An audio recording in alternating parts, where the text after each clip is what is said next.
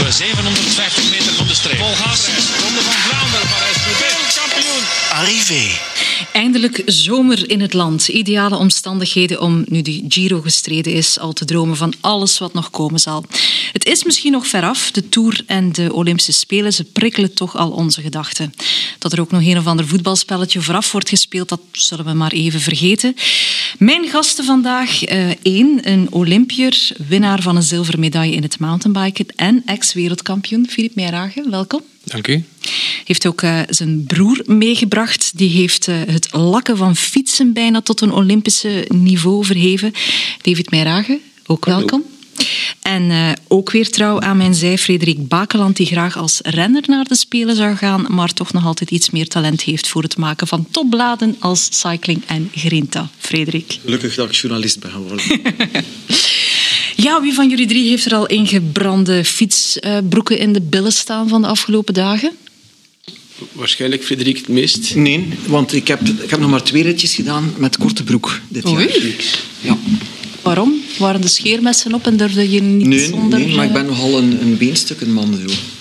En nu begint dat te komen natuurlijk. Mhm. hè. Dus ik heb vandaag even een uurtje kunnen rijden. Hoeveel graden moet het zijn eer de beenstukken uitgaan? De comments. 18, 19. Oh shit. Ah, ik vanaf 15. Ja? Ja. Ik ben ook een beenstukje man, maar vanaf 15 graden moeten ze uit. Maar goed, Oké, als, als het 50 graden is en het zonnetje vol een bak, dan zou het misschien ook wel kunnen. Ja. Ja, enfin. En zitten jullie in het kamp smeerders of het kamp verbranden? Ehm, Ertussen. en dat is? nee. Niet smeren en ook niet verbranden. Hè. Ah ja. Is Gewoon een vel. Gewoon niet lang genoeg fietsen Ah, ja. om verbrand te gaan. Ah, ja. Ja. Maar jullie fietsen nog wel, beide. Ik fiets meer als vroeger. Ik heb een hele tijd, eh, heel veel jaren eigenlijk zo goed als niet gereden. Alhoewel, ik ben bondscoach, dus ik reed wel als we op de, in het buitenland waren met de renners mee en het parcours verkennen. Maar tussendoor, toen al ik thuis was, reed ik nooit met de fiets. En nu, sinds, eh, ja, sinds corona eigenlijk, ben ik terug wat meer gaan fietsen. En ik moet zeggen, het bevalt mij. Ik voel me ook een stuk beter als ik meer fiets. En is het dan mountainbiken of op de weg? Eh, thuis is het, eh, wauw, het wisselt af.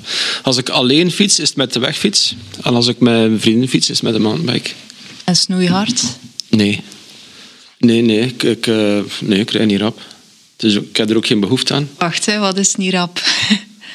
Ik, ja, ik weet het niet, ik zou moeten kijken op Strava. Niet echt niet rap, nee. Want ik, eigenlijk van twee gisteren eh, zijn we gaan fietsen met mijn, met mijn vrouw en met de fietskar. Dus met mijn zoontje in van elf. En, eh, dus dan is het echt op het gemak rijden. Hè. We hebben een terrasje gedaan. We zijn dan hier op, in Oudenaar, daar stopt het middags zijn we op het terras wat gegeten. Nou, hier in het centrum Ronde van Vlaanderen hebben we gegeten op het terras.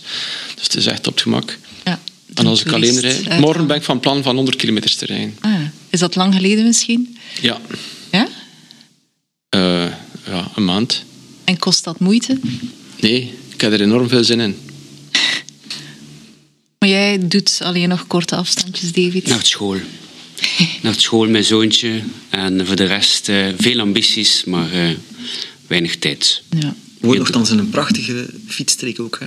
Ja. de Colline. Inderdaad. Dus, eh, We zien de zondag enorm veel fietsers passeren, maar eh, zelf nee.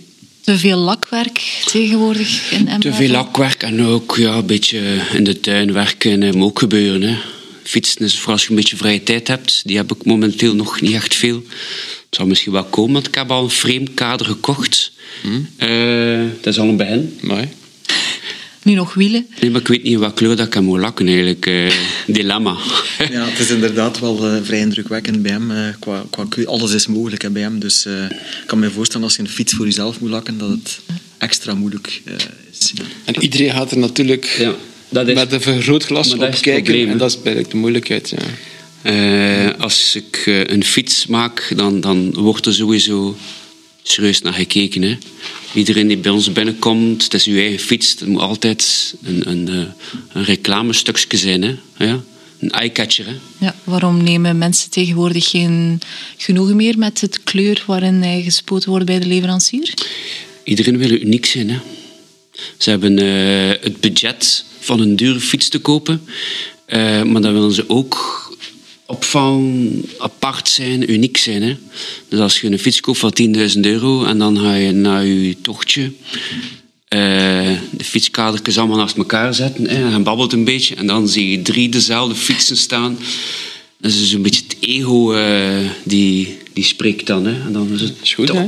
Ja, dat is goed. Dat is goed. Dat zou wel zijn. Dat goed is. Wat is het vreemdste verzoek dat je al gekregen hebt om een fiets eh, aan Wel, te pakken? dus in het begin eh, verschoot ik van wat dat ze allemaal willen, maar eigenlijk vreemd. Er is niet echt iets vreemds aan. Hè. Dus iedereen heeft zijn eigen ideeën. Onlangs heb ik een fiets gedaan met allemaal eh, bierglazen op. Zegt, en dan, dan de quotes, ja. het, het pintje komt na de tour hè, of na de, na de rit. Hè. Dus niet ervoor of eerst fietsen, dan plezieren. Is wel tof, hè? Dan, dan het kleur van de flesje, eigenlijk. Groen, mooi, groen. Hoe dan lang zoek je dan om dat kleur juist te krijgen? Ehm, ik heb enorm veel kleurstaaltjes dat je kunt kiezen. Dus eh, als daar niet tussen zit, ja, dan kunnen we nog een klein beetje mengen of doen. Vroeger was eh ja, customizen van fietsen en zo, en ook van helmen en brillen, maar daar kunnen we het later misschien nog over hebben. Dat doet David ook.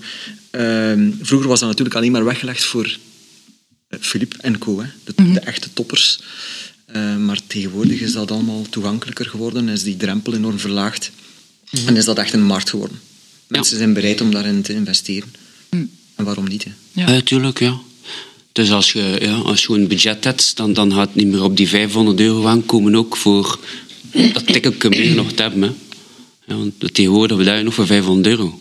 Als je al kijkt naar een wiel, één wiel... Een mooie, een mooie gelakte fiets. Hè? Ah, ja, ja, het is dat. Eén, één wiel kost dat rap, hoe wiel? Rap 1000, 1200. Dat is maar één wiel, hè. Ja. Want de profs komen ook wel bij jou soms aankloppen. toch? We hebben eh, enkele profs die bij ons komen. We mogen natuurlijk geen reclame maken Nee, daarmee. maar ik heb wel een à la Philippe al eh, zien passeren qua naam. Eh, ja, ah, wel, wij, wij werken dus voor eh, Specialized eh, Racing, Factory Racing, wat is daar, ja. Ehm, dus iedereen die gesponsord wordt door Specialized en ze winnen een, een nationaal team, of een nationaal kampioenschap, of een wereldkampioenschap, of iets speciaals, het helmke wordt dan bij ons gelakt. Eh, in eh, nationale kleuren of, of gelijk wat, ja. Dus eh à la Philippe, Anna van de Breggen. Ja, alle specialetjes, ja, dat passeert bij ons. Zalig. Ja. Leuk. Zelf, sinds kort mogen we daar ook reclame mee maken. Vroeger mochten we dat ook niet doen. Omdat het eigenlijk Specialist zelf is. Eh, en, en wij zijn maar een klein dingetje ervan. Maar nu mogen we daar ook reclame mee maken dat bij ons gelakt wordt. Eh, dat is ook wel leuk, hè. We gaan het inderdaad straks nog wat verder over dat lakken hebben, maar misschien eerst eens, zoals we altijd doen, terugblikken eh, op de voorbije weken. Eh, zullen we het dus over de Giro hebben, Frederik? Ja, dat is goed. Bernal, terechte winnaar? Moeten we daar nog vragen bij stellen? Moet er geen vragen bij stellen, denk ik. Nee. Het is even zo een beetje, een, eh, een beetje spannend geweest op het moment dat Yates wegrijdt. Dat is maar in de laatste week gebeurd, zeker. Eh, dat is gewoon misschien een klein zwak momentje geweest van Bernal, maar ik vond zijn uitleg na de aankomst, zei hij van je moet maar één seconde voor hebben om een Giro te winnen. Dat is correct, hè. Hij heeft nog uiteindelijk veel meer dan één seconde, maar dat was zijn uitleg. Ik vond dat een prachtige uitleg.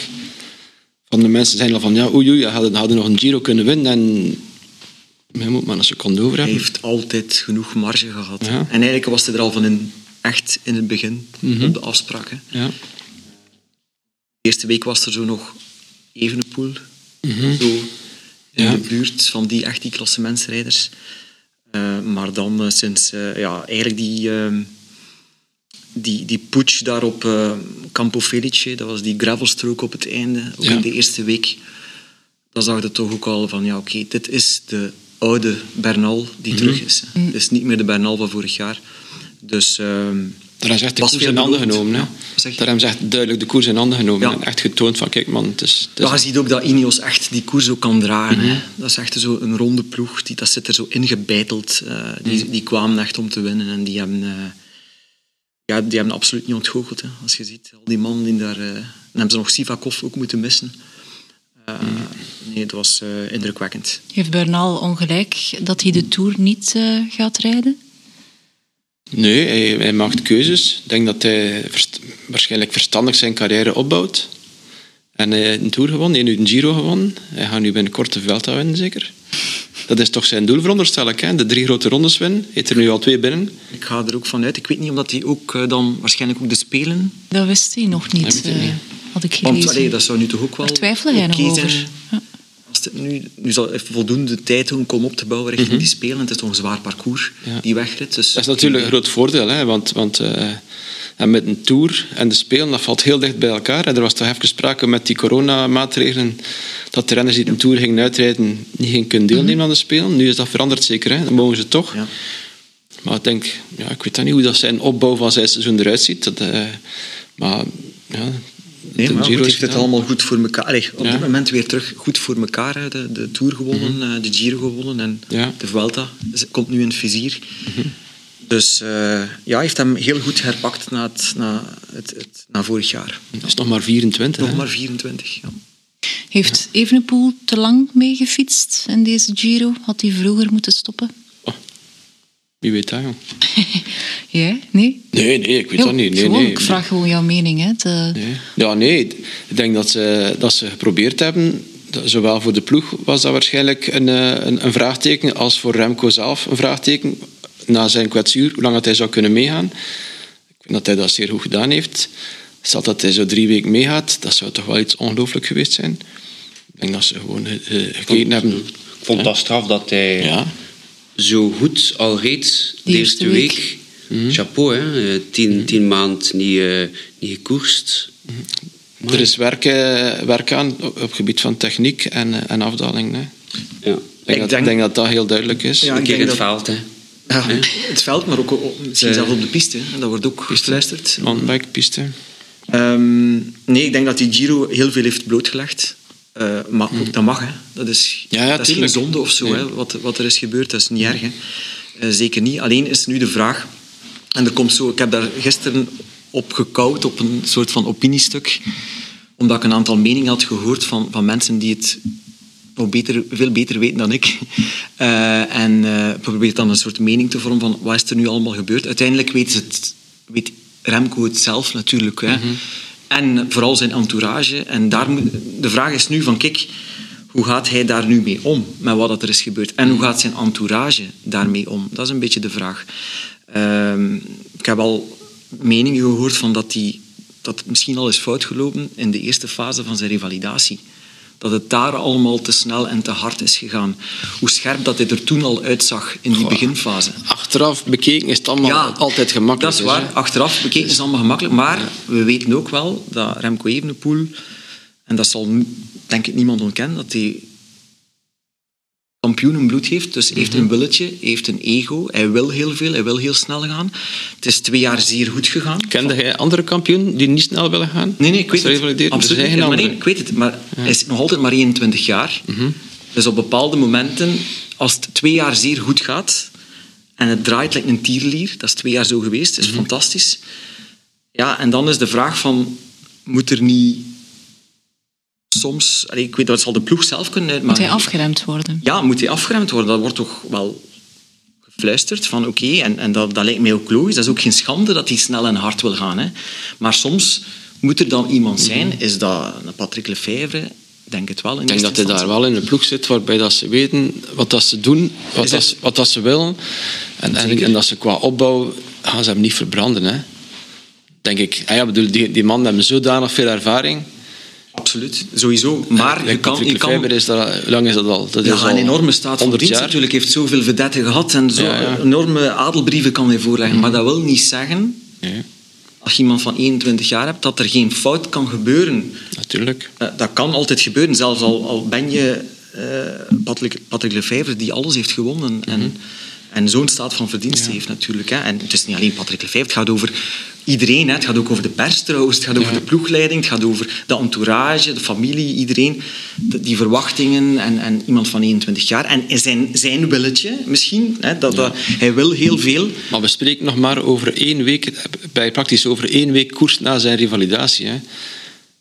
Praktisch, als je het nu bekijkt, een Giro is gereden, een paar, een paar keer ervoor nog niet veel gekoerst. Nee, absoluut. Ja, Ik vind, nee. Er mogen nog geen conclusies getrokken worden van hebben ze een fout gemaakt of niet. Hij is, is pas er begonnen. Dat hij een Giro niet ging winnen, ik bedoel, ik denk dat dat... Niet twijfelen aan zijn capaciteiten Ah, nee. als ronderenner. Ik zou nergens aan twijfelen. Het is nog veel te vroeg om daar iets over te zeggen nu. Hey, we hebben gezien wat hij in het verleden gedaan heeft. Hij moet toch krediet krijgen. hij is lang gekwetst moet- geweest. Hij heeft een gigantisch zware kwetsuur gehad. Ja, absoluut. Ja. Ja, je moet hem toch wat tijd geven. Nu is er niets gebeurd. Hè. Hij heeft een Giro gereden en iedereen die is beginnen hopen van ja, Remco gaat hier direct een Giro winnen en we zijn hier, we zijn hier de beste Belg ooit. Maar hij probeert een keer rustig te blijven. En Voetjes op de grond. Voetjes op de grond. Ja. Voetjes op de grond, ja. En, Ik denk ook dat hij zelf en ook wel. Weet maar gewild, hè? Ja, ja. Maar ja, goed. tuurlijk, ja. Op een bepaald moment moet je dan niet zeggen, te midden van een Giro, van het zijn jullie, de pers, die het allemaal... Ik, voor mij, nee, nee, het is ook wel een klein beetje gevoed. Door, Ja, door, ja. Allee, En dat is ook een les die, die hij zelf moet trekken. En dat is niet om hem te schofferen, of hem, absoluut niet. Hè. En om hem de les te spelen, zeker niet. Maar het is toch normaal dat een jongen van 21 jaar, die nog maar vier jaar op de fiets zit, die een fantastisch talent is, die het alles in zich heeft, maar alles in zich heeft. Eh, Laag gewicht, eh, enorm vermogen, dat hij kan... pro- Aerodynamica tot en met heeft alles. En heeft ook nog een keer de wilskracht en de discipline, want hij traint lijkt zoals een beest. Dus hij doet er al echt werkelijk alles voor. Ja, het zou zonde zijn natuurlijk om hem nu al...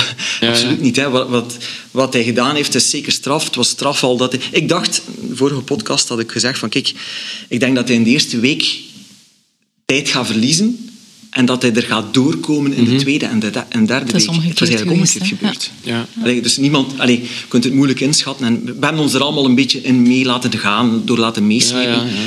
Maar ja, nee, ik vind het zeer goed dat Patrick Lefevre gezegd heeft eh, in een interview, ik denk in de, in de service koers was het, eh, kort na de opgave van Remco, dat ze hem gevraagd hebben, wat nu met zijn programma?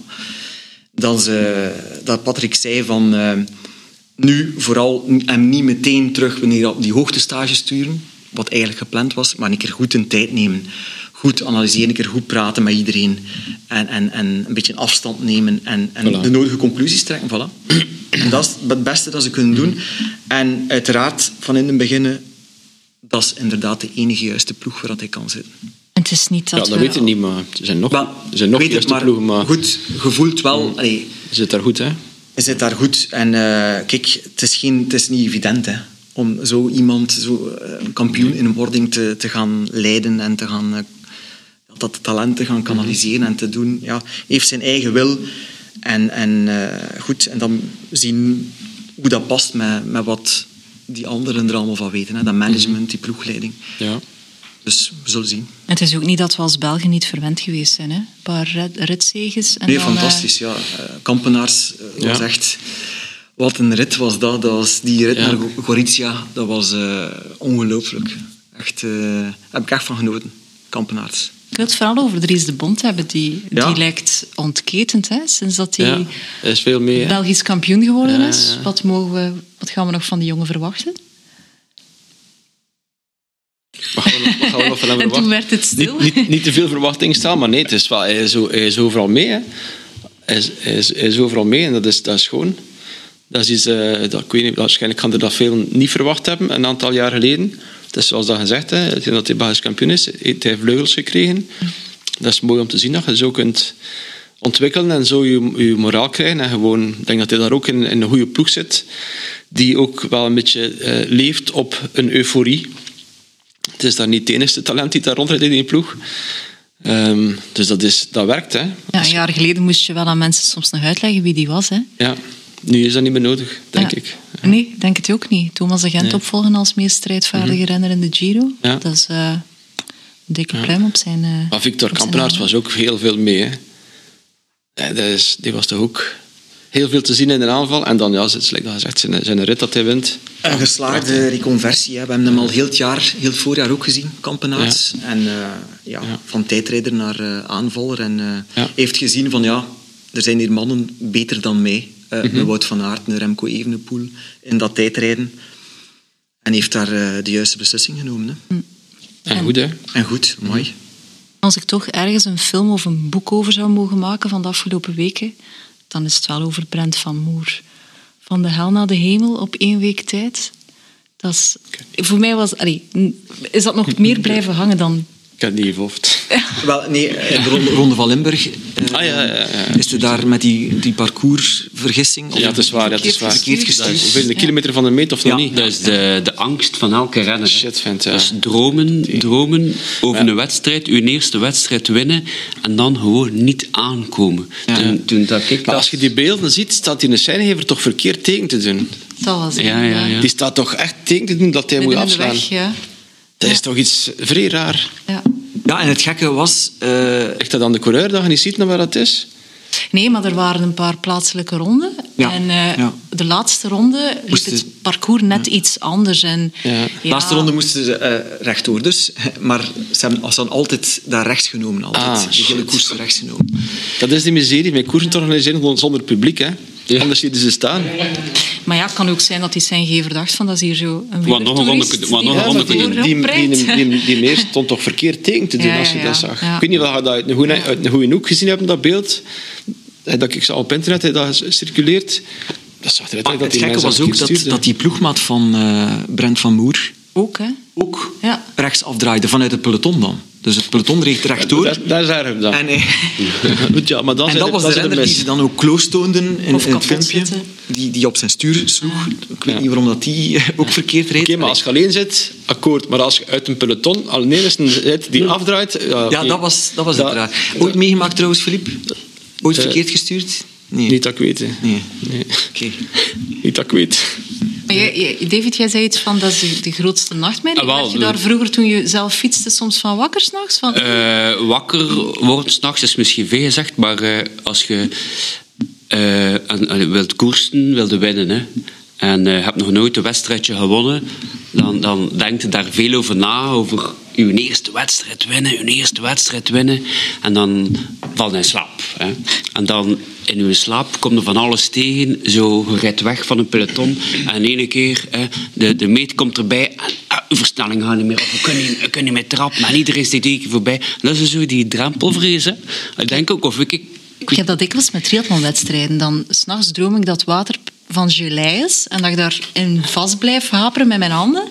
Of naakt in de wisselzone staan en mijn grief niet meer terugvinden. Ja, dat ja, wel, dat is misschien hetzelfde. ik deed, Dat is nog niet echt gebeurd. Had je ook van die dat soort nacht? ik heb soms nog, mijn dromen waren altijd om niet op tijd op de, aan de start te staan. En dat was hetzelfde systeem als dat David uitlegt, of hetzelfde fenomeen, dat is dat je je begint klaar te maken en plots, of hetzelfde, hetgeen dat hij zegt ook, mijn kleren niet meer, niet meer aankrijgen en mijn schoenen die ik niet meer vind en die schoen gaat niet toe. Het is zoiets dat blijft apen. Ik denk dat de meeste sporters dat gaan hebben. Maar bij mij was het altijd om gewoon om de start te missen. Wat dat ooit wel een keer gebeurd is. Echt? Hoeveel minuten? Eh, nee, maar het was, ik- het was nog, nog voordat ik prof was. Ehm, De schoen niet mee. dat is ook gebeurd. Ja, dat is ook gebeurd. En dan? Ja, ja. Niet gereden Op blote voeten, hè. Nee, nee, nee. Nee, maar het was, het was het moment dat ik die, die start gemist had, was ik, ik hem grandioos gemist. Hè. Het was, eh, ik, was, ik werkte als interim, zo wat als, als eh, vertegenwoordiger. En ik deed namiddag een koers en ik kom af met Notto en ik, ik word tegengehouden door de politie en het peloton passeert dan. Hè. Dus ik was echt wel grandioos te laat. Maar ik had me toch nog haast. Ja, oké, en dan dacht ik van, ja, ik moet me niet meer haasten. Hè. Dus hij vertrokken. Goed, ja, dan, maar dat is niet waar. Dat is een, een, een kermiskoers. Ah, ja. Ik bedoel, het is- gebeurde nooit in de... Nee, nee, een grote de- koers de heb ik de start niet gemist. Nee, nee, nee, nee, dat niet. Nee, dat was gewoon eh een woensdag namiddag een kermiskoers gaan rijden. Deed je dat graag eigenlijk op de weg fietsen? Ja, ja. Zo, alleen dat- koersen echt? Ja, ik deed dat zeer graag. Ja, ja. Ik deed dat zeer graag. Maar ik heb, denk ik, in totaal in mijn carrière veel meer wegkoersen gereden dan mountainbike-wedstrijden gereden. Maar ik deed dat zeer graag. Ja, dat was, dat was geestig. Ik begrijp dat Mathieu van der Poel soms al een keer gezegd heeft van dat is saai op de weg en, Ja. en dat mountainbiken. Ja, je kunt dat niet vergelijken natuurlijk. Hè. Ja, mountainbike is, is ja, vind ik, ja, ik ben ook niet objectief. Hè. Mountainbike vind ik natuurlijk ook een mooiere sport, maar ik koerste wel graag op de weg. Maar mountainbike is iets anders. Mountainbike is eh, echt... Het was wel een functie van het mountainbiken. Ja, Ja. alles was in voorbereiding, eigenlijk een functie. Ja. Maar op- ik, als, ik probeerde mijn werk te doen voor de ploeg, Ehm, maar het was, alles stond eigenlijk in functie van, de, van het mountainbike. En van mijn seizoen. Mijn seizoen werd gepland op voorhand en dan keken we waar dat er koersen pasten. Waar dat ideaal was om de weg te koersen. Maar perio- het was met periodes. En dan eh, werd dat zo gedaan. Ja. Ik heb eens zitten rekenen. Het is bijna niet te geloven dat het al twintig jaar geleden is, hè? de hoogtepunten van jouw carrière. Ik eh, denk daar redelijk veel aan. Hoe snel het gaat. Ja. Ah ja, het, De Spelen, waren, 2000. de Spelen zijn Sydney. 21 jaar geleden. Ja, Het is ongelooflijk. Ja. Maar het, is, eh, het, het valt mij vooral op omdat als bondscoach, ik ben bondscoach ook van de junioren, ja, die- mijn, mijn topjaren die zijn gebeurd voordat zij geboren waren. Hè. En je moet dan uitleggen wie, wat jij gepresteerd hebt. Maar nee, ze weten dat omdat hun ouders, papa, ja. hun, hun ouders eh, waren, waren supporters of eh, dat was dezelfde periode, die zijn ongeveer mijn leeftijd.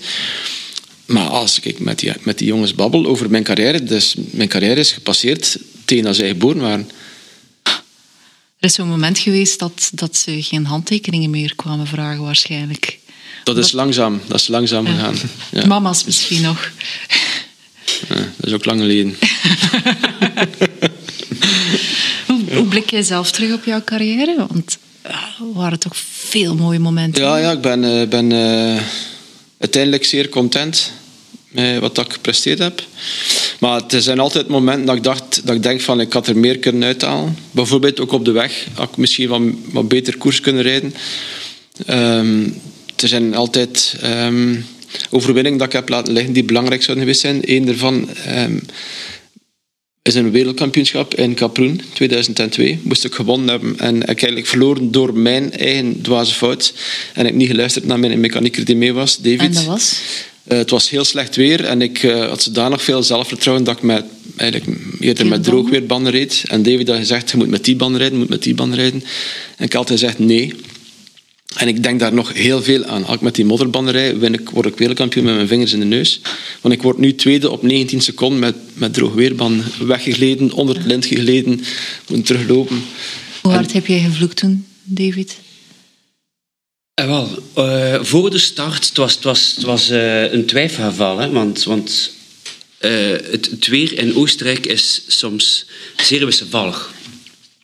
En hij had gehoopt op, op een lichte regenbui, hè, even kortstondig en laat maar gaan. gedruppel. En, en dan, ja, dan zouden die banden wel, wel goed geweest zijn, maar het zag er eigenlijk niet echt zo weer uit. Het was echt een, een donkere, Echt onweer tot wolk die afkwam, maar ik zei, dat ga je niet goed komen. Hè.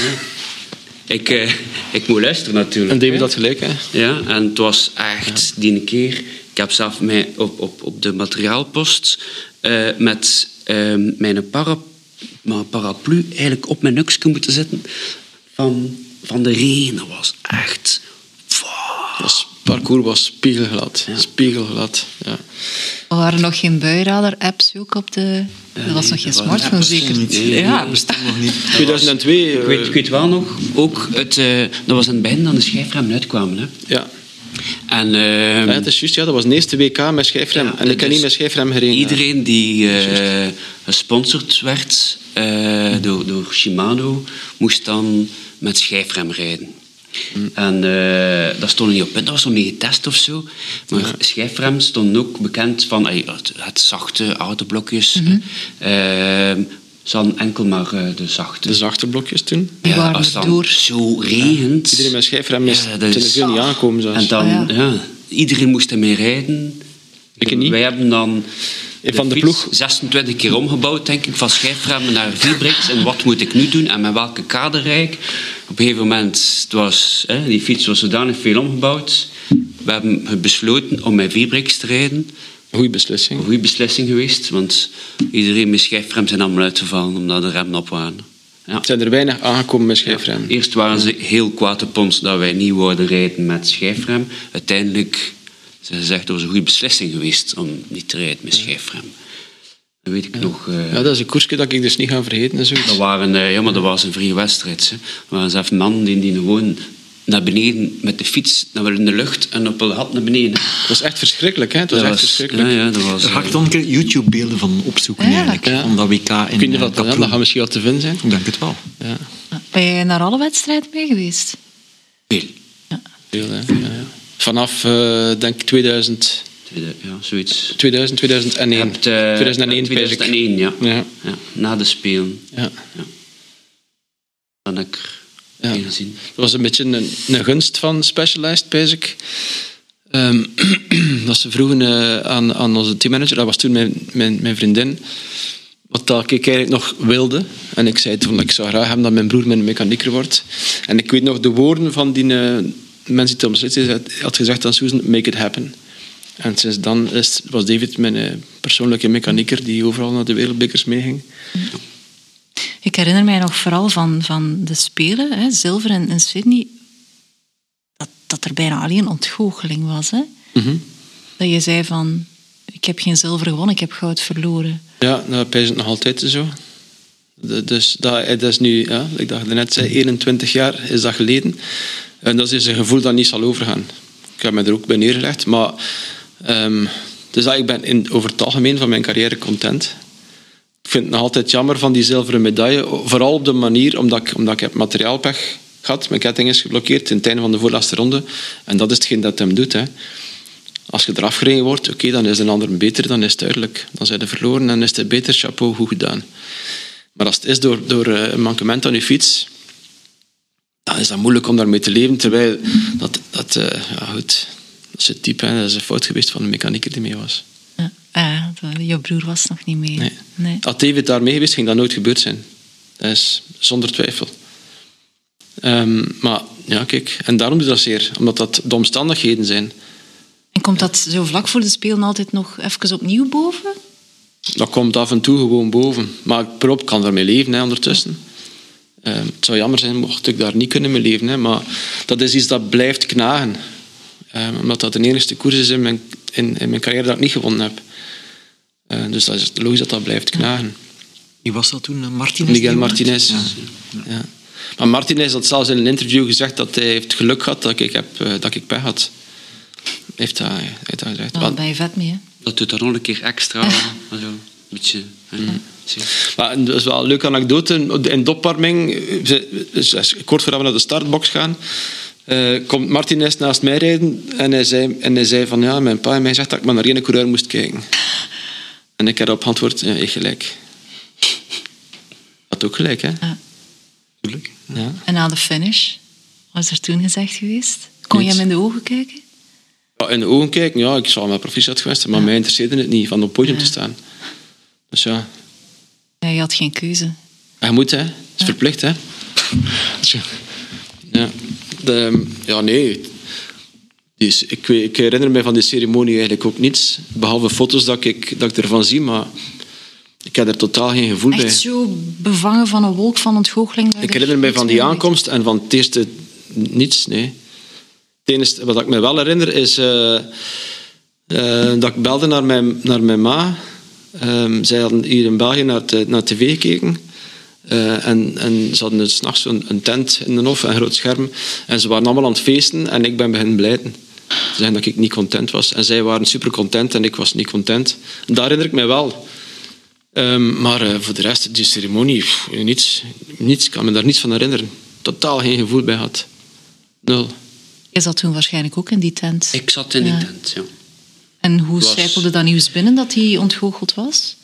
Wij hadden dat niet door. In het begin, eh, de ontgoocheling, je zag wel op, op, op aan zijn gezicht eigenlijk, eh, podium, dat hij duidelijk niet tevreden was. Dus op de foto's ook, dan nog altijd foto's in, in de living thuis. Oké, je hebt een, een zilveren medaille, maar dat is zo emotieloos. Ja, ik had er geen gevoel bij. Dus het, het toont de medaille en dat is het. Maar ja, bij ons, voor ons was dat wel super. Hè. In, de, in de tuin eh, was super veel ambiance, een groot scherm en, en alle eh, gigantisch veel supporters.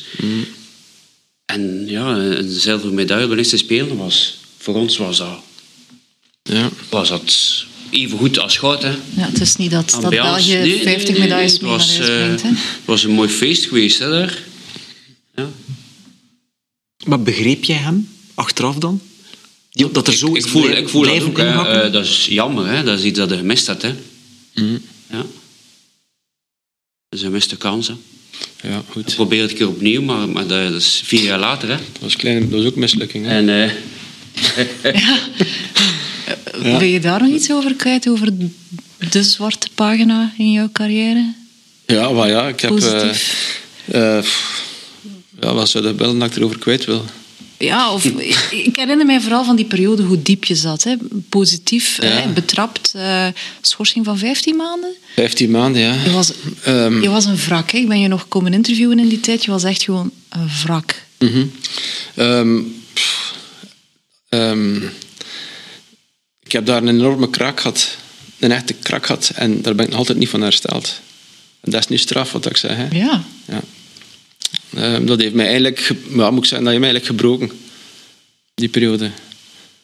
Ik, ik, zit zelfs durf moeilijk krijgen, wat dan een beetje belachelijk is, achter Dat is 17 jaar. Nee, maar dat heeft mij geraakt en ik, en ik heb er nog altijd de gevolgen van nu. Het- Ik ben ehm, Op welke manier bipolair. onzekerheid? Of? sinds dan bipolair gestoord, ja. Ja. Hey, dat, is, dat is geweten. Hè. Ik steek dat niet onder stoel of bank, maar ik heb een bipolaire stoornis waar ik niet meer van afgeraak. En daar is daar een grote trigger geweest. Ik kan je zeggen, daarvoor was ik ook al zo lichtjes up en up down, maar sindsdien is dat gewoon eh, een probleem geweest in mijn leven. Dus ja, ik kon niet binnen emotioneel doen. Hè. Nee, nee, Maar, nee. ehm, nee, nee, maar ik... maar dus ja, het is een middag vraag wat zou er wel over weten. Je dat- was, je dat was is- dat is- heel gefocust hè, Ja. op, op jouw sport. Echt. Ja, ik, ik denk ook, wat, wat, mij, wat ik mij zo herinner, is de manier... Je hebt dat toen ook nog verteld in reportages, denk ik. Met die slogans op de Met die muur, op de jouw muur. dat was in slaapkamer. 2000, hè. Goh, Ja. die, die, die drang, echt die focus. Ja, maar die slogans zijn in 2000. Ja, ja. Ja, maar die focus blijft hetzelfde. hè. En Ja. zeker, ja, ik heb dan, ik heb 2000 echt, en met het er juist over gehad, de manier waarop dat ik 2000 gemist heb, te spelen. Ehm, ja, en dan natuurlijk erachter, ja, zeker 2004, ik ben daarin, het me dan gezegd, ik weet dat niet meer, maar ik heb een zware depressie gehad. En, ehm, en ik, ja, ik draag er nu nog de gevolgen van. Hè. Dus, het is zoiets van, van oké, ze zijn betrapt en het is uw eigen schuld. Volledig akkoord, het is volledig mijn eigen schuld. Ik heb het zelf gedaan. Eh, het, is daar, het is daar niemand anders verantwoordelijk voor. Ik pak ook altijd zelf die verantwoordelijkheid gepakt daarvoor. Er was geen vangnet. Er was niemand die jou... Geen vangnet, wat dat is, dat is een moment waarin dat je sowieso alleen zit in je leven. Ook al is er een vangnet, toch staat je daar helemaal alleen voor. Er is niemand die dat kan verwerken voor u. Ehm, en eh, en oké, het, is, het is goed, hè, van, het is je eigen schuld. Veel mensen gaan er zo kort door de bocht, je moet maar weten. Maar er hangt zoveel aan vast van gevolgen. Dat is iets dat de mensen zich niet kunnen voorstellen. En Op korte termijn is dat mijn broer is in ontslag gehad, uiteraard bij Specialized. Mijn vriendin heeft ontslag gehad bij Specialized. Ik uiteraard ook mijn ontslag gehad bij Specialized. Ehm, het- dan in korte termijn heb je financieel wat miserie. Een afbetaling van de lening, het geen inkomen niet meer. Ehm, maar dat is allemaal op korte termijn, dus dat zijn allemaal dingen die, die weggaan. Maar dan mentaal nou, heb ik daar zo'n klop van gehad, dat ik er nu nog altijd miserie van heb. En dat nu is hoor je iets... heel veel mensen, eh, ook eh, Olympiërs, dus spreken bijna allemaal over hun mental coach. Mhm. Hoe was dat twintig jaar geleden? Bestond dat toen nog niet zo? Er werd gepraat begon, eh, over, over sportpsychologie, Ja. Ehm, maar niet zoals dat nu is. Hè. Nu wordt er veel meer, de atleten worden veel, veel dichterbij opgevolgd. En als er problemen zijn, of als je ziet als coach dat er renners zijn die problemen hebben of ze kunnen hebben, wordt er gepraat met die mensen, met die atleten. En, als, als, en dan wordt er verder gekeken van kunnen wij hen eh, helpen of doorsturen, eh, dat ze professionele hulp kunnen krijgen of echt een psychologische begeleiding kunnen krijgen. Toen werd dat nog niet gedaan. Ehm, maar ik heb wel, ben wel psychologisch gevolgd geweest, uiteraard in mijn, in mijn depressie. En dan maar later, niet vooraf, vooraf geen hulp, eh, zoals nu heel veel sporters krijgen, om Nee. met faalangst om te gaan of met die prestatie. Nee, nee, nee, dat werd ook niet zo. Dat werd eigenlijk niet gedaan ook. Op dat moment was dat zou echt uitzonderlijk geweest zijn. Ik heb ene keer ben ik bij een psycholoog heb ik dat geprobeerd, maar dat stond mij niet aan. Omdat eh, zijn, mijn, hij, hij, hij begreep niet dat mijn prioriteit koers was. Dus ja, goed, dan... Dan, dan, ja, dan stopt het gewoon. Ja, dan stopt het, hè. Ja. Ja, dan zitten we op een andere golflengte. Ja. Ehm, maar nee, dat werd niet gedaan. En nu wordt dat veel... eh, Dat is beter dan nu. Eh, ik denk dat mentale gezondheid in, eh, van atleten in het algemeen is zeer belangrijk. Ja, Emma Plasgaard, de, de zeilster, Mhm. vertelde is dat ze van haar mental coach drie keer per dag een dagboek moest invullen om te zeggen van waar was ze content van, wat had ze zelf goed gedaan, om die, die positive thinking, Mhm. Ja. om, dat, om dat echt aan te leren. Ja, hoe, dat ze toen... eh, Ja. weet ik niet, dat ga ik me ook niet Ze zijn er vooraf al mee bezig. Hè, om Nu, nu, nu, wordt er, nu wordt er daar zeer veel aan gewerkt. Hè. We zijn er ook mee bezig met atleten en de- eh, met de renners in de nationale ploeg. Ehm, ik ben daar, ik, ik let erop. Dus ik ben er die zijn mee bezig dat ik let op hun tekenen en hun signalen. Ehm, en als er wat is, dan wordt er gebabbeld en worden ze doorgestuurd. Um, in, in overleg met hen, met, uh, met, uh, met een trainer, met ons, met de federatie. En dan wordt er echt dat ze geholpen worden en dat ze begeleid worden. Uh, met als doel dat ze zich volledig kunnen focussen op hun sport en dat ze niet moeten bezig zijn met bekommernissen. Want waar is een atleet allemaal mee bezig? Je noemt het er net. Faalangst, maar er komt heel veel bekijken hè, qua, qua druk druk dat je jezelf oplegt als atleet, faalangst, druk dat je ouders opleggen, druk die je sponsors je opleggen, die je federatie opleggen, die je club je oplegt, die je lief je oplegt. Ik bedoel, er komt van alle kanten druk binnen. En als atleet staat je daar in principe te middenin. En uh, ik denk dat dan als coach een taak is voor te kijken van wat loopt er daar mis of wat loopt er daar goed en wat kunnen wij helpen. Mm -hmm. ja. het, over het het huidige mountainbiken gesproken, uh, ja, er is wat vernieuwde aandacht, ook door jongens als uh, Van der Poel en Pitcock, die naar de Spelen gaan als mountainbiker. Ja. Welkome aandacht of net een vloek voor ja, diehard mountainbikers? Die, die, ja, ja, het is perfect. Okay. Het is perfect. Ja. maar het is, eigenlijk, eigenlijk kunnen Van der Poel en Pitcock niet meer aanzien worden als nieuwelingen in de mountainbikewereld. Pitcock is wereldkampioen bij de beloften. Hij rijdt al een x aantal jaar mountainbike. Mathieu rijdt ondertussen ook al, ik weet niet hoeveel jaren, mountainbike en wereldbekers. Zij zijn in de mountainbike-wereld worden ze niet aanzien als indringers of buitenstaanders. Dat zijn echt mountainbikers. En ook geen jaloezie, want een Nino Schurter bijvoorbeeld, die, ja, nee. er is meer media-aandacht, maar die gaat niet naar, naar die jongens. Hè? Ja, maar Schurter is nu ook niet meer de tweede beste. Of als je dan Pitcock en Mathieu rekent. Maar goed, ja, ik kan nog niet zeggen... Eh, Thomas Pitcock heeft nu één wereldbeker gewonnen. Het gaan er nog volgen, hè? ongetwijfeld. Maar een shorter, die jong zijn carrière is bijna op het einde. Mm. Er, zijn, er is nu een nieuwe generatie, onder andere is dat met Pitcock. Maar in de mountainbikewereld zijn dat mountainbikers. Dus er is geen jaloezie of geen afgunst, dat zijn gewoon mountainbikers. Dat zijn ja, part of the gang, of hoe moet dat zijn? Het lijkt wel alsof die twee de medailles gaan verdelen op de speren. Hè? Dat het tussen die twee zal gaan. Is, is het zo simpel? Nee, zo simpel is het niet. Nee, zo simpel is het niet. Um, de wedstrijd moet altijd gereden worden. Ook. Ja. Er het is van alles gebeuren tijdens de wedstrijd. Uh. Maar het is ook, niet, uh, een, het is ook een, een ander soort parcours. Het is technisch, de, de verschillen gaan niet zo heel groot zijn. Wat dat wil zijn dat er meer open koers gaat zijn. Het is dat er natuurlijk één is die er ik weet niet ver bovenuit steekt, maar ik zie dat niet direct gebeuren. De verschillen gaan niet zo super groot zijn. Bijvoorbeeld in Tsjechië nu, waar dat Pitcock gewonnen heeft, dat daar heel de week echt geregend was. Een vuil boel, modder, glad, wortels, echt vuiligheid heel de week. Um, de dag van de koers voor de elites was, nog, was het redelijk goed weer, was nog deftig van omstandigheden. Maar het zijn, dat was een zwaar, een zwaar parcours. De spelen zijn ook zwaar, maar het is heel iets anders. De moeilijkheid daar gaat de warmte zijn hè, in Tokio. Het gaat er snik, snik eet zijn en het gaat er ongelooflijk vochtig zijn. Daar zijn de meeste atleten zijn daarmee bezig. Wij zijn daar ook heel sterk mee bezig. Like met Gita en Jens, die voor België naar de Spelen gaan, um, doen verschillende trainingssessies in de warmtecabine in Bakkala. Maar met zware training. Bij hoeveel graden, bij hoeveel luchtvochtigheid dan? Zij, zij bootsen exacte meteorologische omstandigheden na dan, dan dat we daar kunnen verwachten in, op, op een dag van de koers. Dus hoe warm is het? Ik weet het niet, ik ben er nog niet bij geweest, maar het is in de 40 vooral graden. luchtvochtigheid. Hè? Het is in de 40 graden en het is ongelooflijk vochtig. Hè? Ja. Maar het zijn de omstandigheden dat ze nabootsen die op dat moment in Tokio zullen zijn.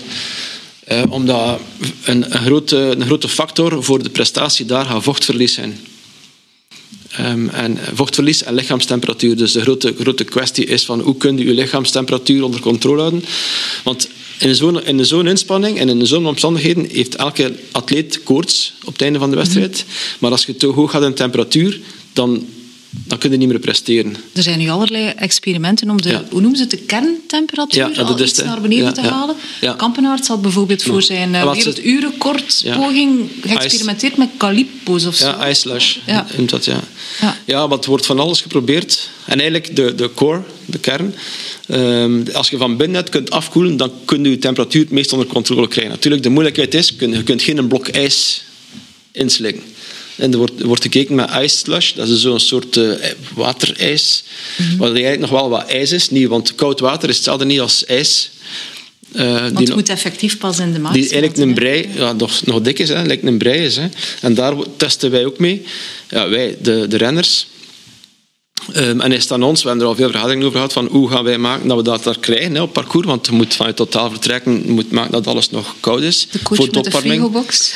ah, ja, de frigobox, maar het is, het is meer dan dat, want je moet ook je drink nog koel houden op de koers. Goed, dat zijn dingen waar wij dan wel genoeg mee bezig zijn, geen probleem, maar het is de, die, die koortemperatuur lager houden van de atleten is de, is de grote vraag en is de grote moeilijkheid conditioneel moet ook in orde zijn, hè, dat is dat niet. Hè, maar het is, uh, en er wordt zoveel mogelijk geprobeerd. Hè, van, maar van buitenaf koelen is eigenlijk meer een, uh, een, een, gevoel dat het creëert. Dus je kunt een frisser gevoel hebben, maar daarmee gaat je lichaamstemperatuur niet naar beneden. Er wordt ook wel met, met koelende kledij geëxperimenteerd. Ja, ja er wordt geëxperimenteerd met verschillende kledij. Uh, denk, dus wij gaan nu koersen, of zij gaan koersen met grafeen van BioRacer. Dat is, als je dat ziet, zit, zit, precies like, bandjes like Spider-Man, bijna dat, eh, de luchtcirculatie verbetert en voor meer afkoeling zorgt. Als je die pakjes gaat zien, uh, ze zijn niet even blauw. Er zitten lijnen in, er zitten uh, precies stukken in.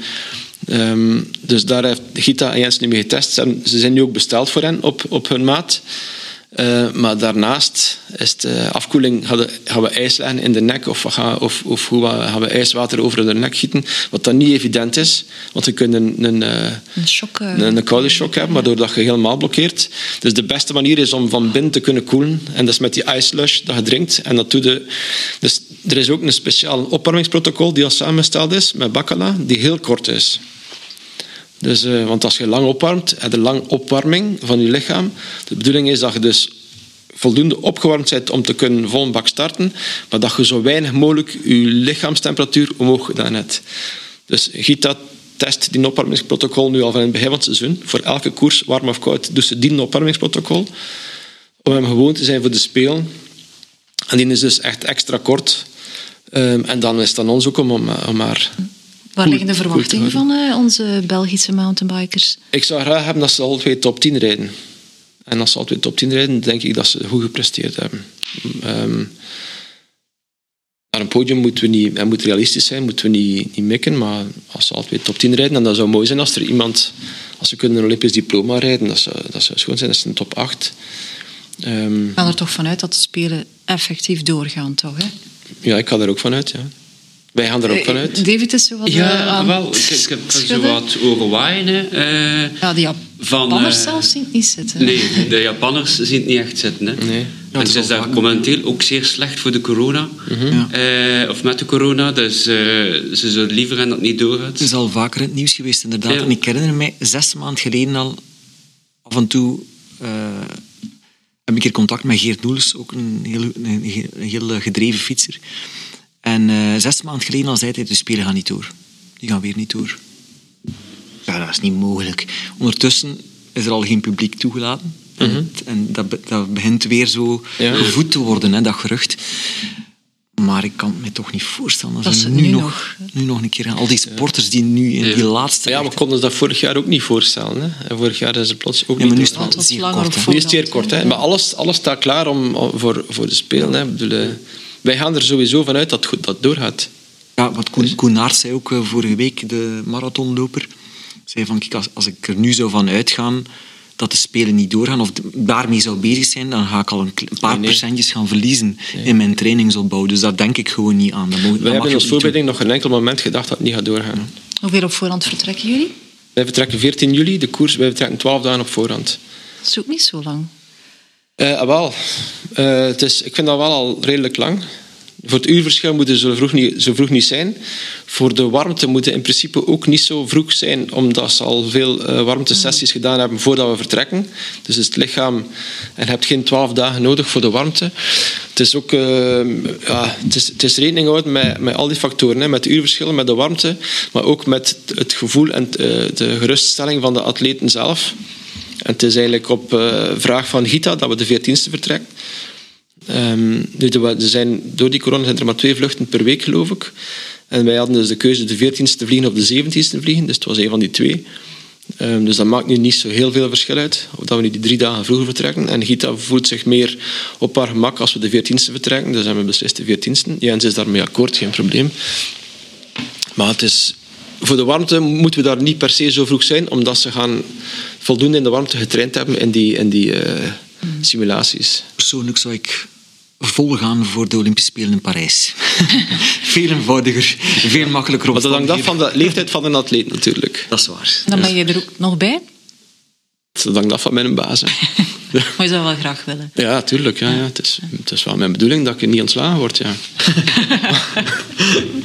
Hangt er vanaf hoe snel je die, eh die calipos uit de, de frigobox krijgt. ja, dat kan. Ja. Daarvoor hebben we ook eh, ons, eh, ons personeel mee. Hè. Heb jij bestellingen binnen voor eh, de Olympische Spelen? Nee. Nee. nee. Ik denk niet dat ze zelf zo eh, met nationale helmen rijden of zo op Olympische Spelen. Eh, nee, hè? Maar alles is in de kleuren van, de, van Alles het, van het land. Hè. Van, van het team, hè, van het land. Ja. Hè. Ja. Misschien daarna wel, hè? De medaillewinnaars die eh, gaan dat zou wel binnenkomen. kunnen. Ja. Op de Olympische Spelen zijn er niet veel folietjes toegelaten. Nee, Nee, nee, nee. Maar nee, daarna dat is redelijk strikt, hè. Maar nadien natuurlijk. eh, Ja, ja. Kijk naar eh, Golden Greg. Hè, en zijn wat hij eh, de voorbije jaren toch altijd Ja. met gouden helm en met eh, 300 gram extra lakking op zijn fiets eh, ger- gereden. Om dat gouden kleurtje daar te hebben. Dus, ehm, Zijn er ja, ook al veel wielertoeristen die ook de, de helm en de bril laten customizen? Dat zit volledig in de lift. Dat is volledig... eh, Hetzelfde kleur van de fiets dan? Of, eh, ja. ja. Of ze hebben eh, de bril, als ze dan een bril kopen met de kleur van de auto dan ze hebben. Ah? Dat is ook iets nieuws. Ze rijden dan bijvoorbeeld met een, een schone auto, maar een bril past er niet bij. Hè. Dan moet je het zelf gelakt worden dan. Ja. Dus, Dat zijn mannen toch, hè? Die- die- ja, die dat, dat zijn meestal wel man eh, die dat doen. Ja, maar pas op, het is, het is eh, allemaal mogelijk. Hè. Voornamelijk echt helmen en, en brillen, een mooi een thema tegenwoordig. Mhm. ja. Maar dan kost het lakken toch soms meer dan de bril. Eh, wij verkopen de brilletjes eh, met een mindere marge om het lakkost een beetje draaglijk te maken. Dus, dus eigenlijk, eh, we staan een deeltje van de winst af om, om een mooi stuk af te geven. Dan wel, ja. Hoe lang ben je, hoe lang ben je zo bezig aan... Gemiddeld, eh ja, gemiddeld brilletje twee uur. Gemiddeld. Ja. Maar Maar er zijn er wel bij die, die iets meer eh, tijd nodig hebben. Je hebt al heel veel projecten ook Ik voor pleit Grinta schuldig. ik blijf hè? schuldig, want... ja. eh, nee, nee, het is brilletjes. eh, we hebben nu een keer zijn, eh, de Mondriaan gedaan. Ehm, daar is er redelijk wat, wat werk aan. Dat is allemaal gelakt. Hè. Dus het is, is niks dat we met plakketjes doen. Dus Mondriaan heeft eh, zwart, wit, rood, blauw. Eh, allemaal verschillende kleuren. Dat moet gespoten worden, afgeplakt worden, gespoten worden, afgeplakt worden. Dat is allemaal heel minuscuul. En dan ook, als je er tien brilletjes zou lakken, moeten ze alle tien identiek hetzelfde zijn. Hè. Dus dat is een plannetje, en dat is je focus, en dat is mijn, eh, mijn in, en dat is mijn lampje. En ik ben vertrokken, hè. ik ben ik, aan het afplakken. Hè. In, muziek. Muziek, hè, ja. Ja. ja. Ja, Welke muziek is er? eh, Afhankelijk van de stemming. dus eh, het heeft te maken met ehm, hoe fris dat ik ben of hoe lang dat ik nog moet werken. Eh, dus eh, meestal als het al heel laat is, dan leg ik wel een beetje eh, een biscuit of korn op. Ah, het mag stevig zijn. Eh, ja, maar als dat 's morgens is, dan is dat een beetje deep house. eh zo een beetje low-tech toestand. Heel tof. Ja. En dan op de middag zelf, ja, dat is... heb je ontdekt dat je daar talent voor had? Ik tekende toen ik al heel jong was. En eh, dat was dus een passie eigenlijk, het tekenen. En ik was bang om ehm, eh, die, die interesse van tekenen te verliezen, waardoor dat ik helemaal iets anders gedaan heb. Omdat ik, ja, ik zeg, dat is leuk, ik ga dat niet alle dagen doen. Ik wil iets, iets anders doen. Uiteindelijk was dat niet echt de beste beslissing. eh, want ik heb dan achteraf toch met tekenschool eh beginnen doen. Om daar nog een beetje in te verfijnen. Maar ondertussen zijn ze vertrokken. En eh, dan beginnen airbrushen. Van de tekeningen waren het dan airbrushjes dat ik deed. Ik heb dan bij iemand gewerkt die enkel alleen motto's lakte. En dan, dan van tien komt dan. En dan en zijn vertrokken. Hè. Wat was de eerste fiets? Was het een fiets van jezelf, van Filip? Dat is mijn, eh, mijn fietsje, mijn BMX geweest. Hè. Ja, prachtig. Echt Ja. prachtig. Ja, dat was mijn allereerste fietsje dat ik gedaan heb. Dat was een, eh, een aluminium frame. eh, die, ik- die ik een beetje bijgewerkt had en de lasnaden weggedaan had, zodat het gelijk een massief stukje was. En dan heb ik dan eigenlijk eh, een houtimitatie opgezet. En- Echt prachtig gedaan. Ja, dat was gelijk dat het een stuk hout was. Dus overal wat ik kreeg, eh, de mensen klopten op de fiets. "Ah, dat is hout. Ja, tuurlijk. Dat is hout. Zelfs een ja, houten fiets en van dat trekt dan niet krom en al. eh. Ik zei, je moet dat altijd binnenzetten, dat het niet krom trekt. Eh, nee, jongen, dat... Dat was echt zeer mooi gedaan. Mensen stonden daar, ik kan niet zeggen, uren is overdreven, maar mensen stonden daar enorm lang naar te kijken en echt aankomen. Maar als je ook, je hebt dat waarschijnlijk wel gezien, ooit die, die BMX, eh, maar het, het is, als je van dicht kijkt ook, het is gewoon een, een houtblok en, en die, het past ineen, like dat, like dat Ja. hout. Ik heb Het is echt prachtig gedaan gewoon. Dat was dan zijn eerste fietsje ondertussen. En David is echt een artiest. En Filip was een artiest, of is een artiest op de fiets, maar David is echt... eh, Maar je hebt dat fiets, fietsje toch nog? Ja, heb ik nog. Durf je er nog mee rijden? Ik heb er altijd op de, op de wedstrijden eh mee gereden, rondgereden van, van, van ja, hotel naar... Dat is, dat is gemakkelijk, hè. dat is klein, dat is compact. En direct Je neemt dat gemakkelijk mee. zaak. Maar ik had nog geen zaak dan. Ja. Dus eh, dat was nog puur hobby. Hè. Ehm, maar ik heb het nog, ik ga dat ook nooit wegdoen. Nee, dat blijft daar staan. Het heeft lang ook in de zaak gestaan, maar een duur, ja. Het staat nu op de zolder. Onder een, eh, ja. Was jouw duurste opdracht ooit geweest? Dat was eigenlijk voor het goede doel. Ehm, dat was een fiets van Niels Albert, dat ze dan gingen verloten. Ehm, en iedereen die eh, gesponsord had, dat was, was, ja, kon u inschrijven, kon iets betalen. Eh, die naam moest ik op dat fietsje lang. En er waren 900 en zoveel namen dat ik moest doen op die fiets. Dat is massa's, massa's werk geweest. en eh daar is het dan verloot geweest. Ja. Dat was wel eh, een van de duurdere, moet ik zeggen. Maar ja. De juiste prijs weet ik niet, maar ik weet wel dat het ongeveer 10 euro is voor een naamke.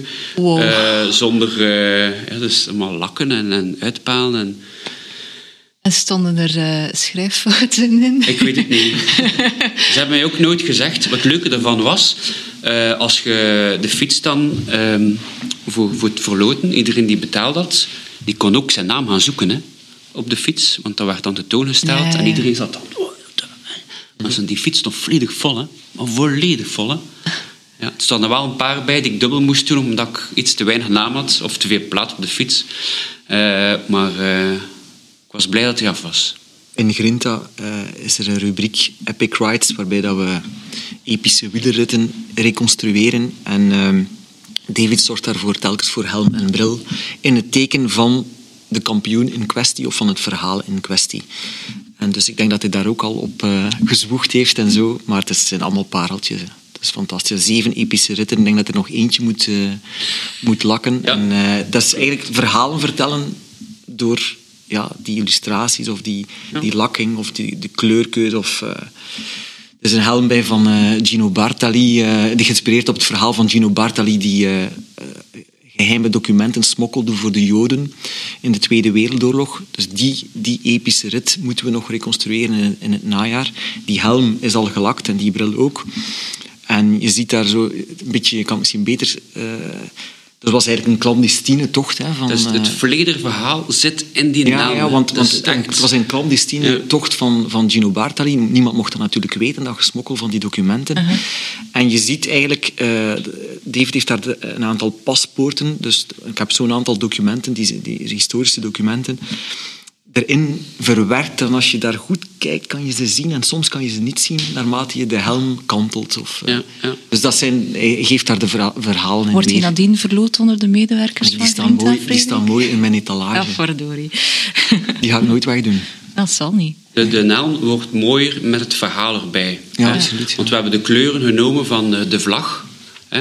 Ehm, en dan, dan, De Toscaanse vlag, denk ik. Ja, Ja, en het is, het is eigenlijk een klassieke naam Ja.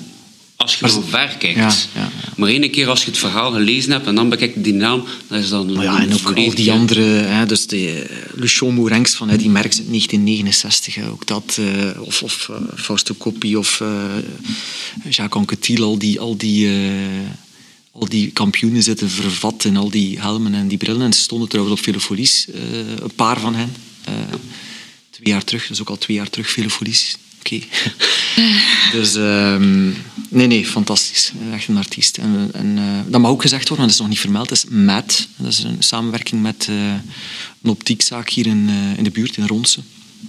En daar, daar kan je Ja. je eigen unieke brilletje of helm gaan Dus, dus ehm, Maxime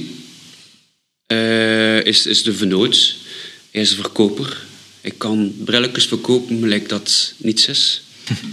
Maar hij kan ze niet lakken gelijk dat niets is.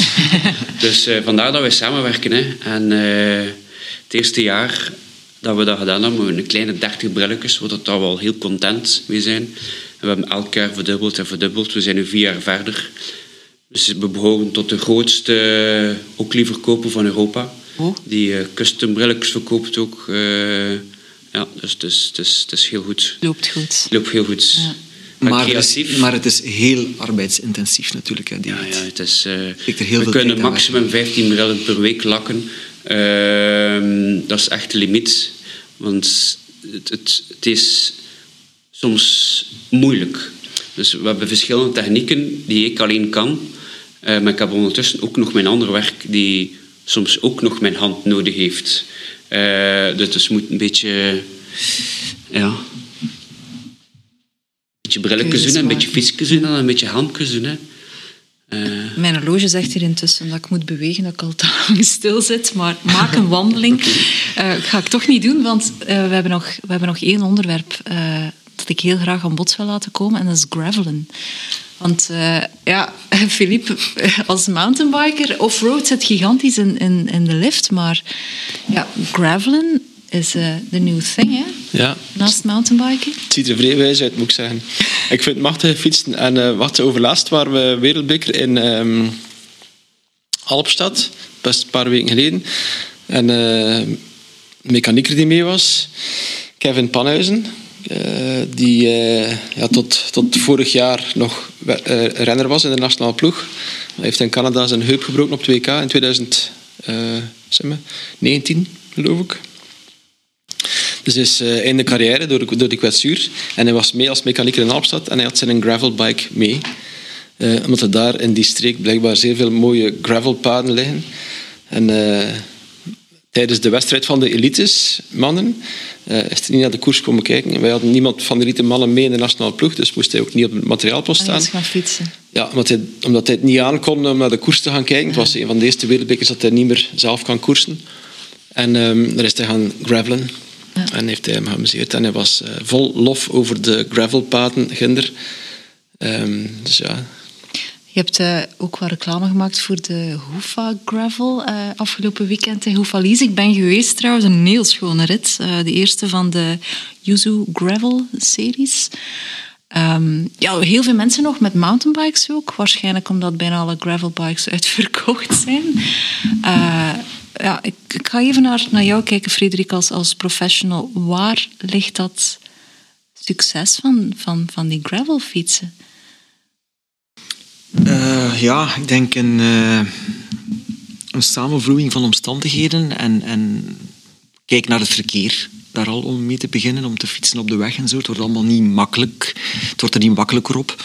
Dus, eh, en, en ik denk dat het ook overgewaaid is uit de Verenigde Staten. En het is een comfortabele fiets. Het is dicht bij de koersfiets, maar ook het is ergens ertussen. tussen je kan off-road gaan. Met een koersfiets kan je niet zomaar off-road gaan of in- op, op grindpaden gaan rijden. Of, eh, mensen willen ook andere dingen een keer gaan ontdekken en, en eh, weg van het, van het verkeer. En, en dat slaat blijkbaar aan. En ondertussen ontwikkelt zich er een markt en springen bedrijven daarop in. En, en eh, bijvoorbeeld Shimano is een hele grote eh, gangmaker of eh, voortrekker van gravel. Zij zijn het eerste gekomen met een gravelplatform, GRX. Misschien verschillende groepsets, specifieke gravel groepsets ontwikkeld. Ook de andere onderdelen, onderdelenmerken zijn daar nu ook, hebben ook oplossingen en maakt voor dat zoveel verschil? Zo'n een typische gravel set? Goed, er zal er natuurlijk wel een deeltje marketing ook mee, mee, mee gepaard gaan natuurlijk. Maar uh, ik zou toch niet met, alleen met een volledige carbonkrank of zo is, doe je niet, aan, niet aan, gravel. Dus er, is wel, er wordt wel keuze gemaakt, ook in de vertandingen, in de, uh, het, het, enkele voorblad enzovoort. Uh, de, de reach of het bereik van, van de cassette en dergelijke. En ook de robuustheid van de onderdelen voor het gebruik op, op grindwegen. Kan je wel een specifieke gravelgroep maken en ze bewijzen dat ook. Hè, dat, dat het, en die ook zeer performant werken. Hè gravelgroepsets waarmee we eh, tot, nu, tot nog toe hebben gefietst, doen wel hun ding. Dus er, er, wordt wel een, er is een markt in beweging, een submarkt in beweging. Ook aparte gravelkledij tegenwoordig. Gravelfietsen die ook natuurlijk heel breed gaan, van heel avontuurlijk naar zeer competitief of sportief. Uh, en inderdaad, kleding, uh, specifieke schoenen enzovoort. Natuurlijk in hoeverre... Dus ik zeg nogmaals, er zal wel een beetje marketing mee gemoeid zijn, maar goed, uh, men mag zich positioneren in een bepaald uh, segment. Hè. Merken ja. mogen dat doen, dat is niet verboden en dat is ook wel fijn. Dus er ontwikkelt zich een, een, een segment rond, uh, rond gravel. Ja. ja. En wij lanceren ook met Grinta toch een interessant ja, platform. Ja, wij, wij, wij, nu, nu heb ik het een beetje het gevoel dat iedereen plots gravel begint, begint te claimen. Um, maar eigenlijk zijn we daar toch al... Dat is gegroeid natuurlijk. Hè. We zijn er toch al vijf jaar denk ik dat we in het blad Grinta en ook op de website en dergelijke en onze andere mediakanalen wel af en toe berichten over gravel. Uh, en ook uh, in het magazine al een themanummer geweest in het verleden. Bijlagen, gravel bijlagen, specifieke bijlagen. Maar nu gaan we toch een, een, een tandje bijzetten. En uh, we komen met... Uh, het moederschip is nog altijd Grinta, maar specifiek voor de gravelrijder gaan we een, een, een subplatform of een gravelplatform gaan uh, ontwikkelen. Dat zal Grid heten, met een uitroepteken. Grid is Engels voor gravel, maar betekent ook Grinta trouwens. Dus het betekent uh, toevallig de, de beide... Uh, beide zaken. Dus Grid wordt een, een gravelplatform, digitaal platform. Er wordt een website gelanceerd, deze week trouwens. Um, en wat vinden we daarop? Dus op gridgravel.cc, maar ook .be en .nl, um, vind je productnieuws, recensies van producten uh, die specifiek op fietsen uiteraard, maar ook onderdelen, accessoires, kleding. Uh, vind je al informatie over. Dus als een pressrelease komt of, of een, we hebben een product getest, zal dat daar verschijnen. Maar er komen ook verhalen op van gravel rides of, gravel, of van gravel events van onze redactie. Um, aankondiging van events, van rides, een kalender dus, uh, routes, heel belangrijk. Dat zal natuurlijk niet meteen helemaal op punt staan. Dat zal moeten groeien, dat platform. Maar we, werken, we zullen eraan werken de komende, verder, verder werken de komende maanden. Uh, maar deze week lanceren we, dus uh, dat is zeker iets om te ontdekken en ook om af en toe terug te bezoeken. Want uh, de bedoeling dat dat platform wel sterk groeit. Wij geloven wel in een specifieke mediakanaal voor gravelrijders. Wat ja, ook een specifieke doelgroep is. Um... Als ik zag 1200 deelnemers aan dat allereerste event van de User Gravel Series, dat is, dat is niet weinig. Ja, dat is zeer mooi. Hè. Ik bedoel, het weer, het weer zat ook heel goed mee natuurlijk. Dat helpt ook. Maar goed, het was vooraf inschrijven, dus dat, dat zat wel goed, die, die inschrijvingen.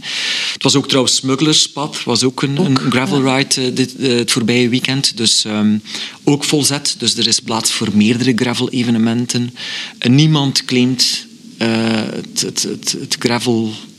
Uh, allee, er zijn er die eerst waren, maar dat, nu zijn er ook een aantal nieuwe evenementen. Het is goed dat er zo'n een gravel-series komt. Er zijn ook nog andere, heel veel andere gravel-evenementen en die hoeven zich helemaal niet, uh, denk ik, uh, hoe moet ik zeggen, bedreigd te voelen door, door, door zo'n nieuwe evenementen. Want het, het is een groeiende groep, nog, het is een groeiende ja. community en ehm, ja ze zullen elkaar ook verder blijven aanvuren. En het feit dat er nog heel veel mountainbikes zijn uh, op de Hoofa Gravel of op die op die graveltochten. Dat is ook geen enkel probleem met mensen. ehm, Ik denk dat het Niet- ook met onzekerheid te maken maar heeft. niet, iedereen heeft een, niet iedereen heeft een gravelbike natuurlijk, voor alle duidelijkheid. Dat is nog altijd, we zitten zo een beetje op het keerpunt, op een kantelpunt, waarbij mensen, wielertoeristen, de gewone wielertoerist, Het is toch ook een klik die je moet maken om met, om met een gravelfiets die steile off-road hellingen op en af te gaan. Dat, dat was ook voor mij even wennen van het weekend. Ja, ja, natuurlijk. Ja. Ik heb het natuurlijk niet gereden, Hoefa Gravel, dus jij, jij kan er meer over vertellen. Ja. Over de, ik, ik hoor dat er wel Het was goede... pittig. Het was pittig, maar het was natuurlijk... Hoef, Ja. Hoefaliezen met de mountainbike is natuurlijk nog wat anders. Ja, ja, tuurlijk. Eh, ik denk dat eh Filip daar wel goede herinneringen aan heeft, aan, aan. Ten tweede Ehm, thuis. Nee, maar, maar eh, goed, het is, het, is, het is iets dat in volle, volop in beweging is. En ehm, mensen, er zijn heel veel mountainbikers inderdaad die daar nog naartoe komen, maar die op die manier ook wel misschien getriggerd worden om, eh, om eens te kijken naar een, naar een gravelbike eh, of een volgende aankoop van een fiets, om toch een gravelbike te overwegen, want je kan er wel veel mee doen met een gravelbike. Je kan er op de weg mee, mee fietsen, je kan uiteindelijk off-road gaan. Dus er is wel, eh, er is, wel wat mogelijk. En trouwens, het derde evenement van die, van die bewuste Yuzu Gravel Series ehm, is, wordt georganiseerd in Baal. Ehm, dat zal op 31 juli en 1 augustus zijn. Dus vlakbij het Sven Nys Cycling Center. We zijn er vorige week eh, op prospectie geweest en is de, nog eens de site gaan bekijken. Dat is Grid Gravel Fest, dus dat zal genoemd zijn naar ons nieuwe webplatform voor, voor eh, de gravelrijder. Daar zullen ook een aantal eh, fietsenmerken aanwezig zijn. eh, die een gravel testvloot hebben. Dus de mensen na hun echte gravel ride ginds, in, eh, in Vlaams-Brabant, in het Hageland, eh, als ze terugkomen, of vooraf, maar waarschijnlijk vaak als ze terugkomen, kunnen ze dan nog een klein lusje rijden met, eh, met, met gravelbikes van verschillende merken, van Specialized, van Canyon en, en van al die andere merken die, En die heel zo veel aanwezig zijn. gravelfietsen ook ontzettend mooi van kleur. Zo die warme aardtinten. En... Sorry.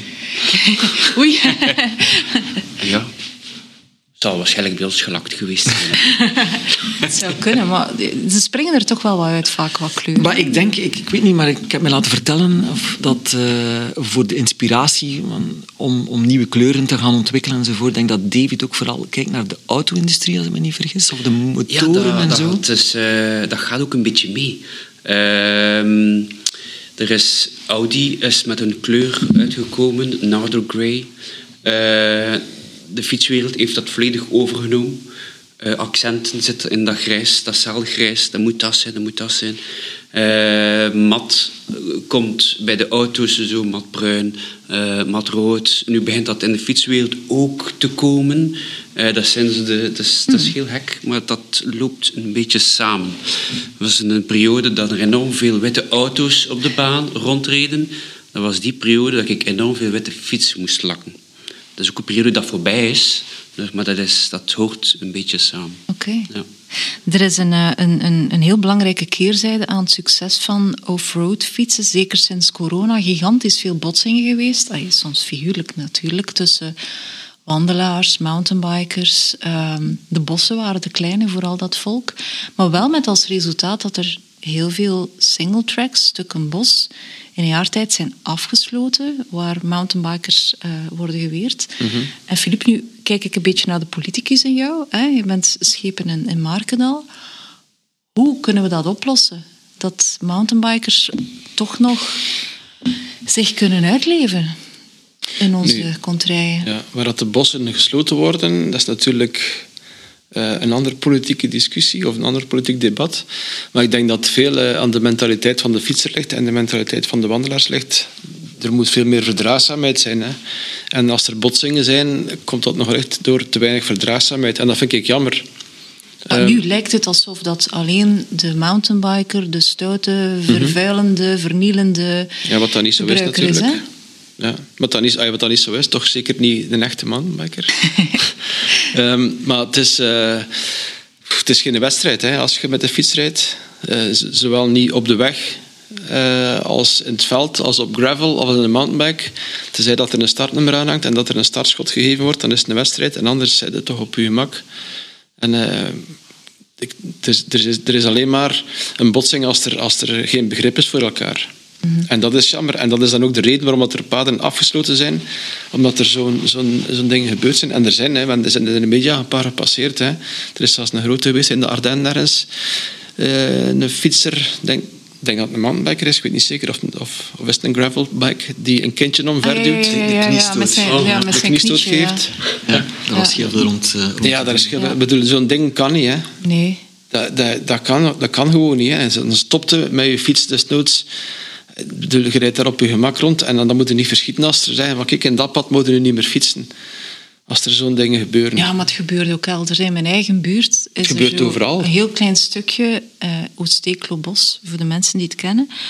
En dat is zo'n heel klein stukje, wat bochtjes, grachtje in, grachtje uit.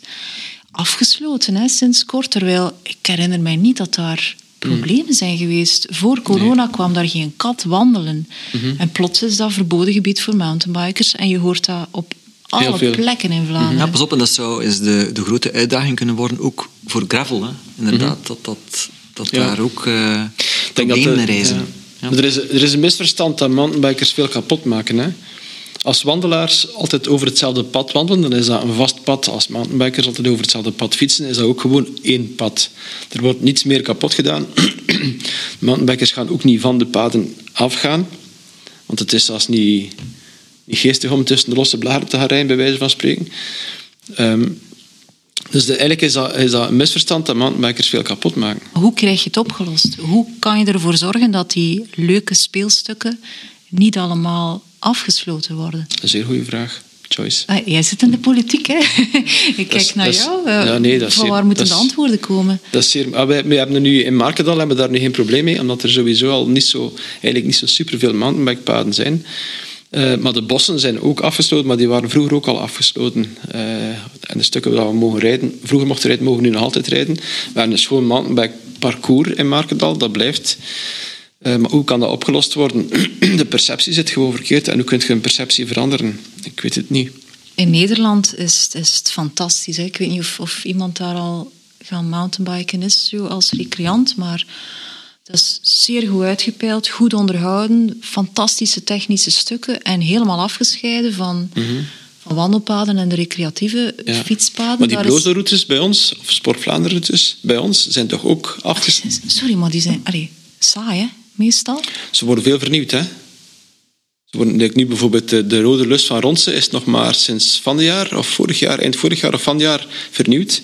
Dus er worden, er worden regelmatig nieuwe stukken gedaan. Mijn vrouw heeft hem al gedaan, eh, die van Ronse nu. En ze zegt dat hij zeer mooi geworden is. Terwijl dat hij vroeger was hij maar zo en zo, vond ik zelf. En nu schijnt dat hij zeer mooi geworden is. Dus die worden toch regelmatig vernieuwd, worden regelmatig aangepast. Die van Markendal is een paar jaar geleden, dat zal nu ook al vijf, zes jaar geleden zijn, eh, is hij ook eh, veranderd. Dus die bloosroutes worden wel, eh, worden wel aangepast en worden ook zeer goed onderhouden. Er zijn voor die bloosroutes ook peters. Elke bloosroute heeft een peter of meerdere peters die regelmatig die parcours gaan, gaan controleren als de pijltjes nog goed hangen, als, als het nog goed zichtbaar is. Ik vind die, die routes zijn goed en die mogen bereden worden, daar is er ook geen probleem mee. En daar zijn er niet veel clashes tussen, Nee? tussen, tussen Goh. voetgangers en, eh, en bikers. Bij ons wel. Er is in Evergem een nieuwe route en in een nieuw ontkoppelingsgebied. Dus ja, route, officieel, toelating, mag allemaal. Mhm. En er is daar één gebied waar systematisch de pijlen worden weggehaald. Eh Ja. Sportdienst wordt verwittigd, nieuwe pijlen weer weggehaald. Ik heb daar echt mijn werk mee. Ze hebben, ze hebben zelfs in de, houten, in de houten paaltjes op de duur die pijlen ingebeiteld. Zijn vandalen daar ook met een beitel ingegaan om die pijlen daaruit te slaan. Dus dat is, Maar dan moet je je afvragen wie dat de natuurliefhebbers zijn. tja, Eh, Maar ja. in zo'n klimaat mountainbiken we momenteel, hè? in sommige delen van Vlaanderen. Maar blief? Ik zeg, maar in zo'n klimaat wordt er wel Ja, gefietst hè, momenteel. Ja, ik merk daar relatief weinig van. Maar het het is vooral ook, ik vind dat van de ingesteldheid van de fietser zelf hangt er enorm veel af. Als ik bijvoorbeeld mensen tegenkom, ik ga zo goed als stoppen. En ik ga nooit niet roepen, pas op, pas Ja, op. ja. Ik, zeg, ik zeg pardon, of ik doe dat zelfs niet luid, dat ze met mijn moeite horen en ik ga heel traag afkomen. Dat ze niet verschieten, dat heeft geen zin van daar te proberen rap voorbij te rijden. Dat gemiddelde op Strava, dat is niet zo belangrijk.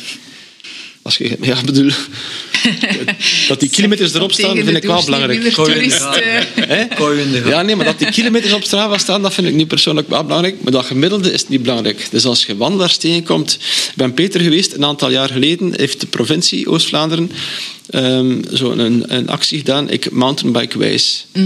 En ik was daar Peter van. En dat, is dan, dat gaat over hoffelijkheid, ook over geen veiligheid wegsmijten. Maar dat is ondertussen al een aantal jaar oud. Maar eigenlijk gaat het nog altijd daarover. En gewoon respect voor uzelf, voor uw medegebruikers van de paden. Pakt uw veiligheid mee in uw zak en smijt hem thuis in uw vuilbak. Zo'n ding. En als je allemaal zo, een beetje zo er naartoe leeft, dan kan het toch niet veel probleem zijn. Nee, want het gaat zichzelf oplossen. Hè. Drie kwart van de wandelaars die gaan binnenkort weer in de weekends gewoon op het terras gaan zitten. Wordt het weer een stukje Ze rustiger. gaan weer aan werken, hè. Ja. Op kantoor, in plaats van eh thuiswerk in de bossen te doen. Ah, ja, Maar ik wil, ik wil gerust wel een keer een test. Je kunt dat moeilijk natuurlijk testen, hè, maar een test ehm, z- of een resultaat zouden zien van hoeveel veiligheid dat er achtergelaten wordt door een mountainbiker en hoeveel veiligheid dat er achtergelaten wordt door een wandelaar. En er doe is, mee. ja, en er, staat, er is geen fotofinish. Hè. Mhm. De mountainbiker laat zo goed als niets achter, tot hij dat er een keer toevallig iets uit de zak gaat vallen.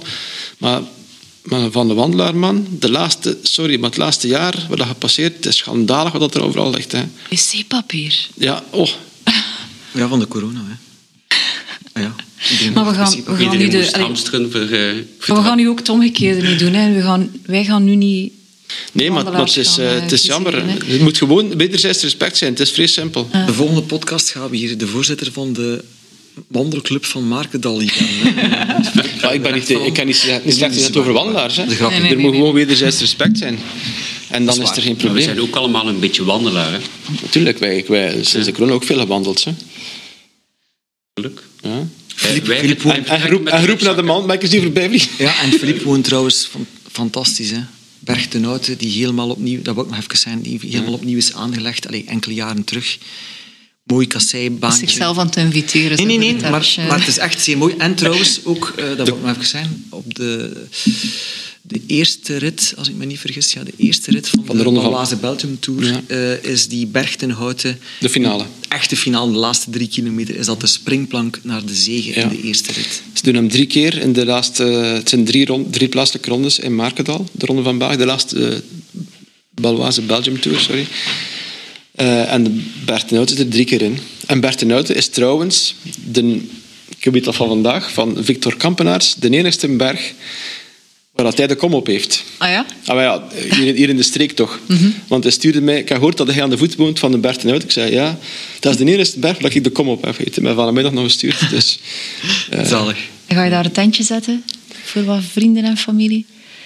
ehm, ja, ik vertrek die een dag naar Wereldbeker in Oostenrijk. Dat meen je niet. Ah, Dus ik ben aan het kijken of ik kan een paar uur later vertrekken. maar we vertrekken normaal morgens naar Oostenrijk. Ah, dat is zonde. Eh, maar ik, ja, ik, ik ben nog aan het kijken of ik iets later kan vertrekken. Ik zou toch graag de koers zien passeren. Ja. Maar eh, goed, ja, het tentje zetten voor vrienden en familie, het is zonder publiek. Hè. Dus eh, het, is, eh, het is volledig zonder publiek, dus nee, er komt geen tentje. Mag nog één ding zeggen over gravel? Nee? Ja, Oké. tuurlijk. Nee, eh, omdat ik... eh, het ging daarnet over gravelkledij en eigenlijk hebben we daar een primeurtje rond. Ehm, omdat we met Grid gaan we niet alleen dat evenementje Grid Gravelfest in Baal en dat digitaal platform dat deze week wordt gelanceerd, dat gaan we niet alleen realiseren, maar we gaan ook pogen om een eh gravel collectie te lanceren. En we zijn daar nu op aan het werk. Ik, ik niet, of, eh, maar mensen die het wel kunnen. En we hebben een testpanel eh, samengesteld. En eh, de bedoeling is om, om volgend jaar met een gravel-collectie zowaar te komen. Ondertussen kan je uiteraard heel veel andere gravelkledij gaan kopen eh, en gravel-accessoires gaan kopen. Kortingscode? Ja. Ik voel je komen. Dus ik zocht eigenlijk een, een, een, inderdaad een kapstokje om dat te melden. Dus moet het toch wel vermelden. Futurum Shop. Futurumshop.nl eh schuinstreep arrivé. Dat is de naam van deze podcast. Daar krijg je eigenlijk 10% korting. Dan moet je eigenlijk wel een keer gaan kijken, omdat het is wel zo dat het indrukwekkend is dat, er, dat die markt zo snel gegroeid is. Dat is een ruim aanbod, hè? Ja. Ja. Oké. Ehm, Eh, klassiek is altijd dat we een eh, rondje van het huis geven. Ja. Of, of heb je eerst nog iets anders te zeggen? Of gaan, Nee, nee, nee, we, nee. gaan we stilletjes aan... eh, Ja, ja, absoluut. Ja. Eentje Ik- drinken? Philippe moet ook voort. Ik zie niet niet daar tegen een vergadering. Oei, oei, oei. oei. Oké, dan gaan we heel snel. Nee, eh, het, is, het is zo dat we op het einde van Arrivé altijd een, een rondje geven met ons huisapparatief eh Saint-Raphaël. En eh, in de plaats van toastjes met zalm presenteren we daar altijd een, ehm, een anekdote eh, bij monden van Frederik. Ja, Want eh, hij heeft een, eh, een olifantengeheugen vol met eh wielerverhalen van vroeger. Quotes. Vol met quotes. Dus eh, go ahead. Ja, eh, dus inderdaad, het aperitief is Saint-Raphaël. Ehm, trouwens, dat is nu puur. We drinken hem hier nu puur, maar eigenlijk mag je hem... Ah, Je mag hem puur drinken, hè. Is niet erg. Hè. Dus, eh, maar je kan hem ook met, met, eh, aangelengd met tonic en blokjes ijs. Dat moeten we maar doen. En zo'n een stukje, stukje sinaasappel, eh zo schijfje erin. Dat zou wel mooi zijn de volgende keer. Eh, kijk nu even naar onze bevallige assistent Gins, die dat de volgende, keer, de volgende keer zal moeten klaarmaken met, eh, op, de, op de juiste manier. Hè, de volgende keer. Maar eh, puur is ook goed. Dus Saint Raphaël is een aperitief. Je hebt dan de vorige, de vorige podcast ook gehoord. Eh, en de naam van Jacques Anquetil, die we al een keer genoemd hebben, met onze Epic Rides, eh, is daar ook aan verbonden, omdat hij ook voor die wielerploeg ooit heeft gereden. En ik was toevallig, eh, niet toevallig, eh, wel bewust, voor een enkele weken terug ben ik naar Bretagne gereisd met fotograaf om een aantal reportages in te blikken, waaronder een gravel-reportage eigenlijk op het parcours van Le Trobro-Lyon. Trouwens, een heel leuke koers, fantastische koers eigenlijk. Maar ik wijk weer af. Een kleine Eh, Parijs-Roubaix. een kleine Parijs, het is een beetje de, de Samijn en Parijs-Roubaix, een beetje, een beetje van alles door elkaar. Heel leuke koers. Eh, maar op de doortocht naar Bretagne ligt daar ook Normandië. En Normandië, dat was natuurlijk... eh, Jacques Anquetil was een Normandier. En zijn tweede vrouw, eh, dus zijn weduwe nu natuurlijk nu, Mogen wij er al een keer van ja, doen? doe maar. Doe maar, doe maar eh, ik, tet, ik tet er gewoon verder. Ik lul gewoon verder, maar drink gerust. Hè. Kan ik boven, hè? Kunnen ze doen? Dus ik, ben- ik heb een, een afspraak gemaakt in de Château Anquetil, want die heeft daar Ja, wij inderdaad nog een eigen... Een eigen van Frederik, sorry. Ja. Die Dat er nog lang. Stop nu een keer- Frederik op dreef, Stop dus dat met, mij, lang stop met mij te onderbreken, ik wil mijn verhaal verder vertellen. Dus ik ben op visite geweest in de Château Anquetil, bij de weduwe van Jacques Anquetil, en dat was toch wel heel fijn. Hè. Die hebben, eh, ze had niet veel tijd. Uiteindelijk hebben we daar toch wel twee uur en een half gezeten weer. Dus dat, dat, is, dat is wel goed. En, en eigenlijk toen we binnenkwamen, lag daar op tafel een, eh, eh, alle, alle, alle iconische truien van Jacques Anquetil lagen, daar verspreid. En onder andere ook de, de trui van Saint-Raphaël. En ondertussen is Philippe Meeragen me hier aan het tergen en aan, aan het plagen en deze podcast in- lekker. in- Goed, eh, dus dat was eh, een heel fijne passage. Eh, En, voilà. En heeft ze nog iets meegegeven? Heb Ze je daar iets kunnen ontfutselen? ik heb iets kunnen ontfutselen, ja, inderdaad. Ik heb mijn portemonnee een keer boven gehaald. en, eh, nee, nee, ik, had, ik heb een truitje van Jacques Anquetil kunnen toevoegen aan mijn collectie. Hoe groot Die- is die collectie al? Eh, twee truien heeft die collectie. na, Eén van mij. na, een, na een roze trui van Eddy Merckx uit eh, 68 Mooi. eh, zit daar nu ook een, eh een biktrui van Jacques Anquetil met trico- Franse tricolore bandjes eh, uit, het is moeilijk te zeggen, 67 of 68 ook. Dus voilà. Ik heb een Nice. biktrui van Jacques, de grote Jacques Anquetil, Monsieur Chrono, Ja. en ook icoon van Saint-Raphaël. Ik zou zeggen, smijt er nog een, een, een iconische trui van Philippe Meijeragen bij.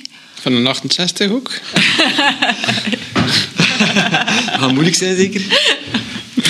Nee, dat niet. Ehm, heren, bedankt. Het was een, eh, een aangename arrivé. Hebben jullie er nog iets aan toe te voegen? Want anders... Een quote of zo. Wat blieft? Een quote van Frederik. Nee. Het zijn geen quotes, het zijn halve boeken. Hè. Het was een leuk gesprek. Dank u. Absoluut. Ja. Bedankt om erbij te zijn. Dank u wel voor de interesse in ons. Graag gedaan. Dat is heel leuk om de broertjes te hebben. Hè. Kijk, voilà. Mannen, fijne zomer. Ja, voor u ook.